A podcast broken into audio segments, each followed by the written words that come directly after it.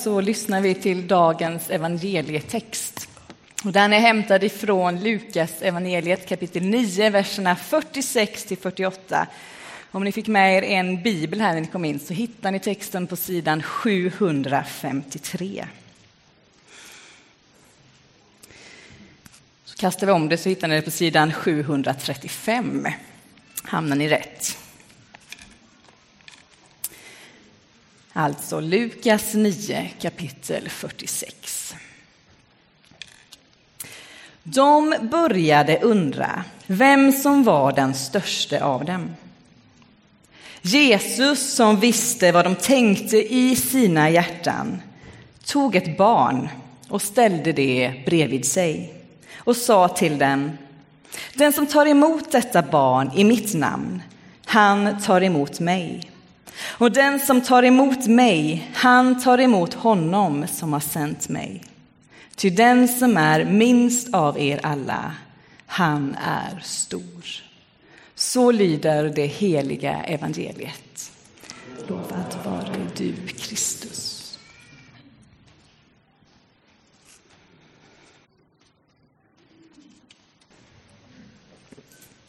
Idag så är det enligt kyrkoåret som vi följer här i Saron. Tionde söndagen efter trefaldighet. Och den här söndagen har temat Nådens gåvor. Och just nu är vi i trefaldighetstiden som är veckorna mellan pingst och domsöndagen. Och kortfattat så handlar den här tiden om att lära känna Gud och växa som människa. Och just den här söndagen så stannar vi upp vid att vi alla är Kristi kropp med många lemmar, många delar som har olika funktioner. Och för er som kanske inte är så vana vid kyrkåret så är upplägget så här att det finns fyra stycken texter som är föreslagna varje söndag och som på något sätt relaterar till temat som alltså idag är nådens gåvor. Och här i Saron så läser vi precis som vi gjorde här innan evangelietexten, alltså en text från någon av de fyra evangelierna. Och idag så tänkte jag att vi också ska läsa en av de andra föreslagna texterna. Så vill ni så hittar ni det på sidan 822 i de här röda biblarna. Och det är från första Korintierbrevet kapitel 12, verserna 4 till 11. 822 i de röda biblarna.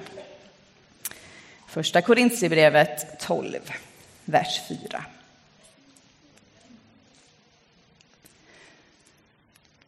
Där står det så här. Nådegåvorna är olika, men anden densamma. Tjänsterna är olika, men Herren densamme. Verksamheterna är olika, men Gud är densamme. Han som verkar i allt och överallt.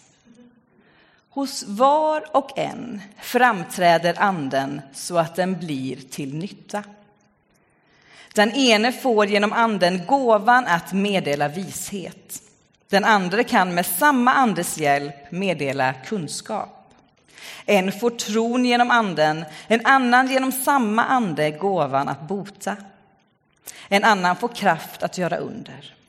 En får förmågan att tala profetiskt, en annan att skilja mellan olika andar. En kan tala olika slags tungotal, en annan kan tolka tungotal. Allt detta åstadkommer en och samma ande genom att fördela sina gåvor på var och en så som den själv vill. Och det är Paulus som skriver till församlingen i Korint. Och I brevet så tar han tag i lite olika frågor som finns i församlingen. För att församlingen där har, eller riskerar att, drifta iväg från huvudbudskapet eller evangeliet och få en lite felaktig teologi. Och Korintierbrevet i stort är en intressant läsning, men just nu så avgränsar vi oss till den del av brevet där Paulus skriver om Andens gåvor, nådegåvorna. Och hela det avsnittet som vi precis läste börjar med att Paulus skriver ungefär så här.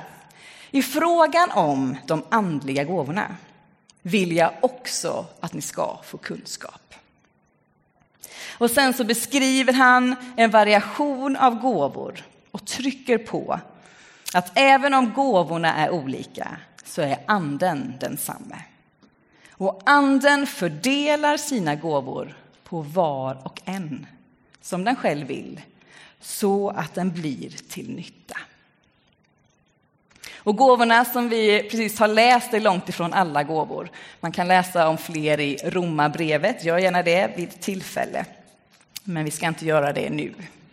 Och om vi hade fortsatt läsa där vi slutade så hade vi läst om församlingen som Kristi kropp. Där alltså alla, du och jag, är en del av kroppen. Och alla delar är lika viktiga. Alla personer, alla gåvor som vi får av Anden. Vi kan inte plocka bort något eller någon, för då är vi inte hela. Alla behövs. Alla som tror på Jesus har del av den helige Anden och dennes gåvor.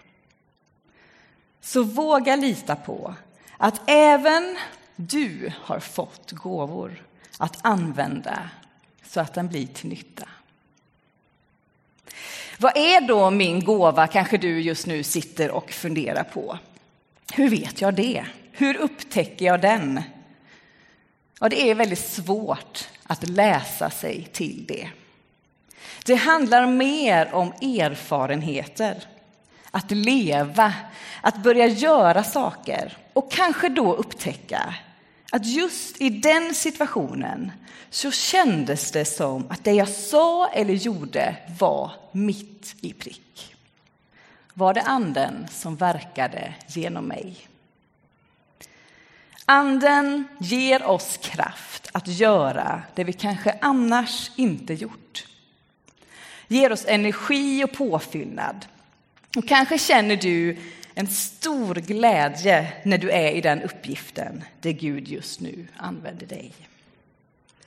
Kanske upptäcker du olika gåvor i olika tider beroende på vad som behövs. Vad Gud vill göra genom dig och genom oss som är hans kropp. Och varje erfarenhet vi gör av den helige Ande kan vi bedöma utifrån om det berikar gemenskapen. För vi får gåvorna till nytta för hela kroppen, Kristi kropp. Inte för oss själva, utan för att helheten ska växa. Vår uppgift är att på något sätt gestalta Kristus i den värld som vi lever i. Och det är möjligt genom nådens gåvor, Andens gåvor. Och Gud är en generös Gud som vill ge oss de här gåvorna. Och de är inte för vissa privilegierade eller vissa fromma, utan det är för alla. Och vi uppmanas att söka de andliga gåvorna. Och en bön för oss att be är Gud, fyll mig med din heliga ande. För anden är helt avgörande. Utan anden blir det kristna livet krav, kamp, plikt, arbete. Utan anden blir Bibeln en motsägande bok. Utan anden stannar Jesus i det förflutna i historien. Men med anden är Jesus här, mitt ibland oss. Med anden blir Bibeln Guds levande ord som talar in i ditt och mitt liv. Med anden blir församlingen en levande gemenskap. Den här texten i Korintierbrevet, hur hänger den då ihop med texten ifrån Lukas evangeliet som vi nyss läste? Lärjungarna de går och pratar med varandra och så undrar de vem av dem som egentligen är störst. De jämför sig och har ett behov som nog inte är helt främmande för många av oss som är här. Behovet av att vara duktig, göra rätt, prestera, leverera. Och Jesus, han vet vad som rör sig hos lärjungarna. Och visar att nu har ni gått vilse i era tankar, känslor och drivkrafter. Och för att förklara för dem vad som är grejen, vart fokus ska vara, så tar han ett barn. Så ställer han barnet bredvid sig. Och då händer något. Jesus tar ett barn. Och barnet på den tiden hade inte någon som helst status eller social betydelse. Och så tar Jesus och ställer det bredvid sig. Vilket är en otroligt stark markering. När någon ställs bredvid så signalerar man samhörighet, gemenskap och status. Så Jesus ger inte bara barnet, som inte hade någon som helst status eller social betydelse, ett erkännande och en plats. Utan han gör någonting mer. Han liksom ifrågasätter och markerar emot hela sättet att tänka av hierarkiska strukturer som för lärjungarna och de andra som lyssnade till Jesus var helt självklara. Men gång på gång visar Jesus det sättet att tänka och det sättet att agera, att det skulle finnas vissa människor som är mindre värda än andra. Det finns inte i Guds rike. Det är lätt för många av oss att jämföra oss med andra. Att ha behov av att vara bra, kanske till och med lite bättre än andra. Och jämförelsen kan gälla det mesta. Hur man bor, vilka vänner man har, hur familjen fungerar, vad gör jag på jobbet, vilka skolresultat har jag, har jag någon nådegåva eller vad det nu är. Och när jämförelsen kanske smyger sig på hos dig, precis som hos lärjungarna, försök då påminna dig om vad Jesus gör. Jesus visar lärjungarna att de har dragit iväg, glömt bort vad som är viktigast. Lärjungarna har hamnat i jämförelse och bedömningar av sig själva och andra. Och Jesus förklarar återigen för dem att den som är minst av er alla är stor. Den som tar emot ett barn, en av de minsta, tar emot Jesus själv, tar emot Gud. Och det är så lätt för oss att missa målet. Att helt plötsligt segla iväg åt ett annat håll, tappa fotfästet lite. Och Jesus, han påminner oss om vad som är viktigt. Ibland har teman eller texter som idag om till exempel Andens gåvor gett mig prestationsångest, dåligt samvete, en känsla av att jag inte är tillräckligt from. Och är det något jag skulle vilja skicka med dig idag, in i en ny höst, så är det Anden fördelar sina gåvor på var och en. Alla som tror har del av Anden. Och gåvorna fördelar Anden som den vill så att det blir till nytta. Om du märker att du hamnar i jämförelse med andra eller bedömer dig själv Läs då dagens evangelietext om barnet igen och igen för att få hjälp med perspektiven. Det handlar inte om jämförelse. Det handlar inte om att vara lyckad. Den som är minst av er alla är stor. Den som tar emot detta barn i mitt namn tar emot mig. Vad ska vi då ha de här nådegåvorna till? Vi har uppdraget från Gud att se den minsta. Att använda gåvorna för att bygga upp gemenskapen. En gemenskap där alla får plats. Där alla på riktigt behövs. Där vi litar på att alla, oavsett hur vi är, vem vi är, har något viktigt att bidra med in i gemenskapen. Till vårt uppdrag att göra Guds rike synligt. Alltså att vara med och vända upp och ner på allt. Den minste blir den störste. Och Andens gåvor hjälper oss att ta emot den minsta. Hjälper oss att få våra prioriteringar rätt. Att sätta de andliga gåvorna i det perspektivet. Då förhindrar vi att andligheten blir intern, vilket alltid är en risk. Vi ser det hos lärjungarna. De fastnar i sig själva istället för att se den minsta.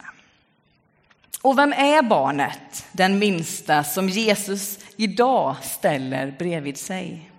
Vem eller vilka är det idag som inte har någon status att tala om eller social betydelse?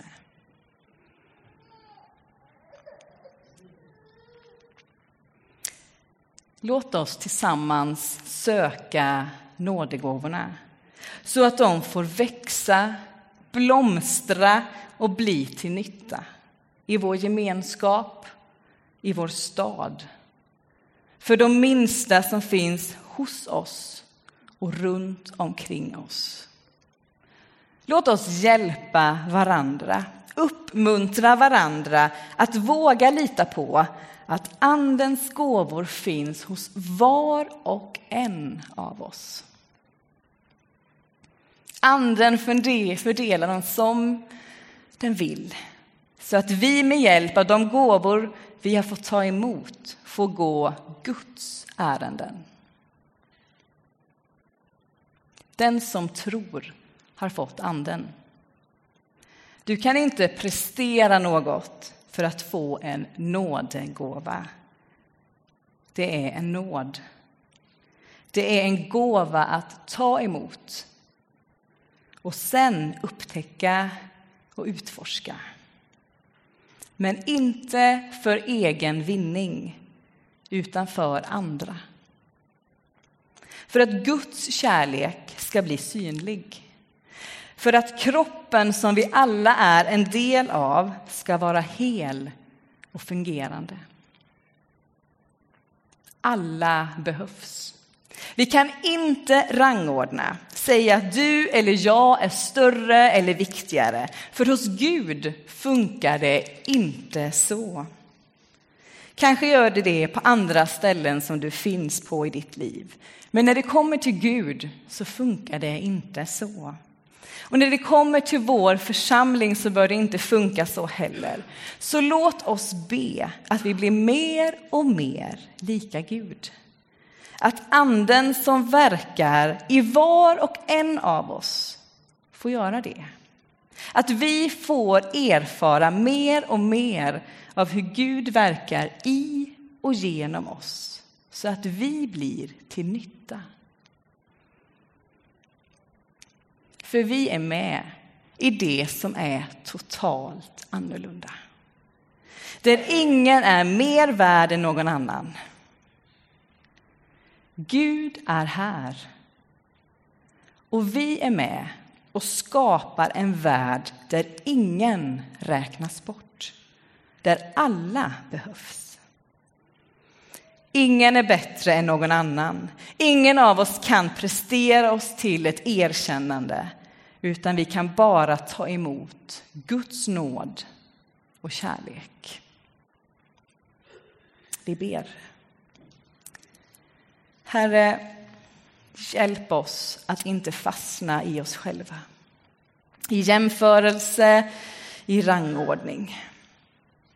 Hjälp oss att se världen med dina ögon, Herre. Så att den helige Ande kan verka i oss. Fyll oss med din helige Ande. Amen.